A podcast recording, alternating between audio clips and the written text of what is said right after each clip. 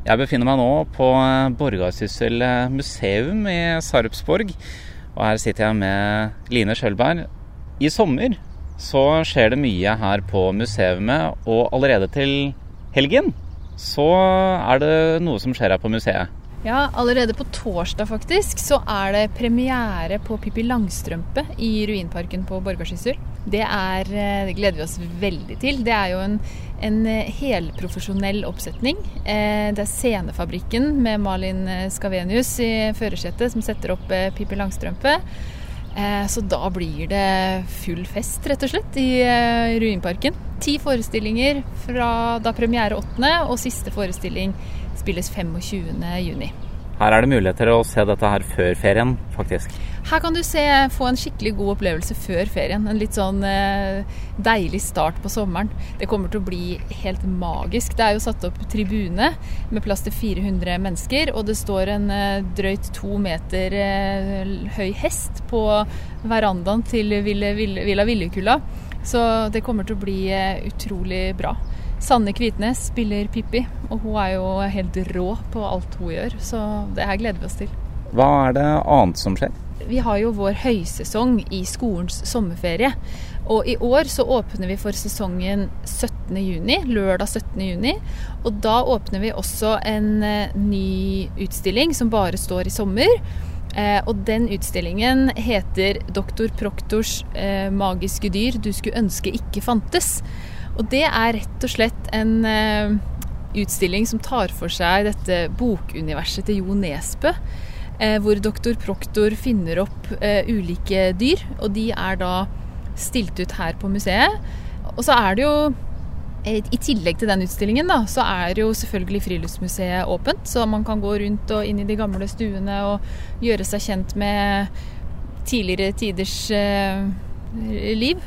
Eh, og så er dyra i Barnas gård tilbake. Så de kommer også 17.6 og blir her hele sommeren fram til 20.8. Så da er det mye å se på her? Det er masse å se på, og parken er jo fantastisk vakker. Du kan stå på stylter og være ute og løse quizen vår. Eh, så det er masse å oppleve. Ingenting i veien for å ikke legge en hel dag eh, her. Men hvorfor akkurat eh, Jo Nesbø sine, sine bøker i denne utstillinga? Du, eh, det handler litt om eh, det jeg snakka litt om i stad også, det å appellere til fantasien hos folk. Eh, og i dag så er vi så opplyst, ikke sant. Vi har informasjon fra hele verden på mobiltelefonen eller på TV-en så fort det har skjedd. Så vi, er ikke så, vi bruker ikke fantasien vår like aktivt. Vi er ikke så opptatt av å ha forklaringer på det uforklarlige, fordi det blir forklart for oss. Men Jo Nesbø og disse fantasi- og fabeldyrene hans appellerer jo til barnet i oss og til fantasien. Eh, og så er det en fin måte å knytte det da til vår egen kulturhistorie. Eh, og sånn som Nøkken, f.eks. Eh, et godt tips er å lete etter den i dammen, her hvor vi sitter nå, eh, når eh, man kommer hit i sommer. Men Nøkken fikk jo ofte skylda for eh, folk som drukna. Så hvis noen drukna i et tjern eller i en innsjø eller på sjøen, så var det ofte en forklaring da var at nøkken hadde tatt dem. Det er jo ikke noe vi tror på i dag. Vi vet jo at drukningsulykker i dag det har helt andre årsaker, ikke sant. Men, men for 200 år siden og enda lenger tilbake så, så trengte man disse fantasidyra. Og i utstillingen til Jo Nesbø eller eh, doktor Proktor, så kan man f.eks. finne eh, det dyret som eh, som lager den vonde lukta i rommet. vet du. Når ingen vil innrømme at det er dem som har prompa, da er det det dyret som er der og har gjort det. Så det er forklaringen på veldig mye av det litt sånn skjulte og mystiske og magiske som skjer i vår egen hverdag, finner du i den utstillingen, da. Men hva er det man kan se der? Du, det er eh, seks ganske store tredimensjonale figurer som er stilt ut. Og så er det en del monter med flere fabeldyr. Så det er en eh, Det er ikke Altså, det er, eh, det er figurer. Eh, det er en svær slange, f.eks., som, som står midt i hallen. Vi har, vi har en, en, stor gribb som henger i taket. Men fabeldyr, hva er det? fabeldyr er jo rett og slett skikkelser og dyr som ofte kan ha form som både litt menneske og litt dyr, og som har eh, magiske evner, kanskje. Ja. Eh, som kan Fantasidyr. Gjøre, det er fantasidyr, ja. Hvorfor er det sånn at eh, sommeren er høysesong? Det er jo da de eh, fleste har eh, litt ferie og fri. Det kommer en del turister.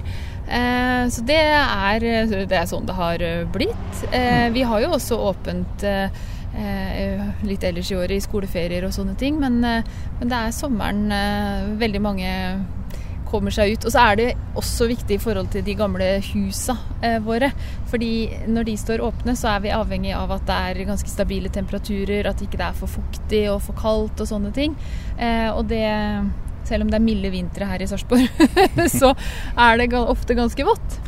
Eh, så da, da, passer det fint å bruke den varme årstida til å åpne opp og invitere inn. Men i tillegg til denne utstillinga, er det noe annet som skjer? Eh, vi har, eh, vi har, denne parken og legger til rette for litt aktivitet eh, ute. Og så er det et lite verksted inne i Olavshall hvor barn kan lage sine egne små fabeldyr på glass. Og så har vi jo flere utstillinger i Olavshall. Man kan jo også komme og se dette fantastiske Sørnesuret. Et av verdens mest kompliserte astronomiske ur. Står her i Sarpsborg. Eh, og det utstillingen 'Tusen rike år', som tar for seg litt av byens grunnleggelse og eldre historie. da. Og så er det vel eh, også en del turister som også tar turen til Sarpsborg nå eh, på sommeren, som eh, kanskje er litt opptatt av kulturen? Absolutt, og vi ser jo det de siste par somrene, så har det jo vært eh, mange som reiser, altså nordmenn som reiser i Norge. Så om det ikke er så voldsomt mange utenlandske turister, så er det ganske mange norske turister som kommer utenbys fra. Og så har vi jo selvfølgelig en del eh, utenlandske turister også, som, eh, som bruker noen dager i Sarpsborg, og som gjerne kommer hit en tur. Det er vi veldig glad for. Det er plass til flere. Dere holder åpent i hele sommer. Når er siste muligheten for å besøke dere i sommer, da?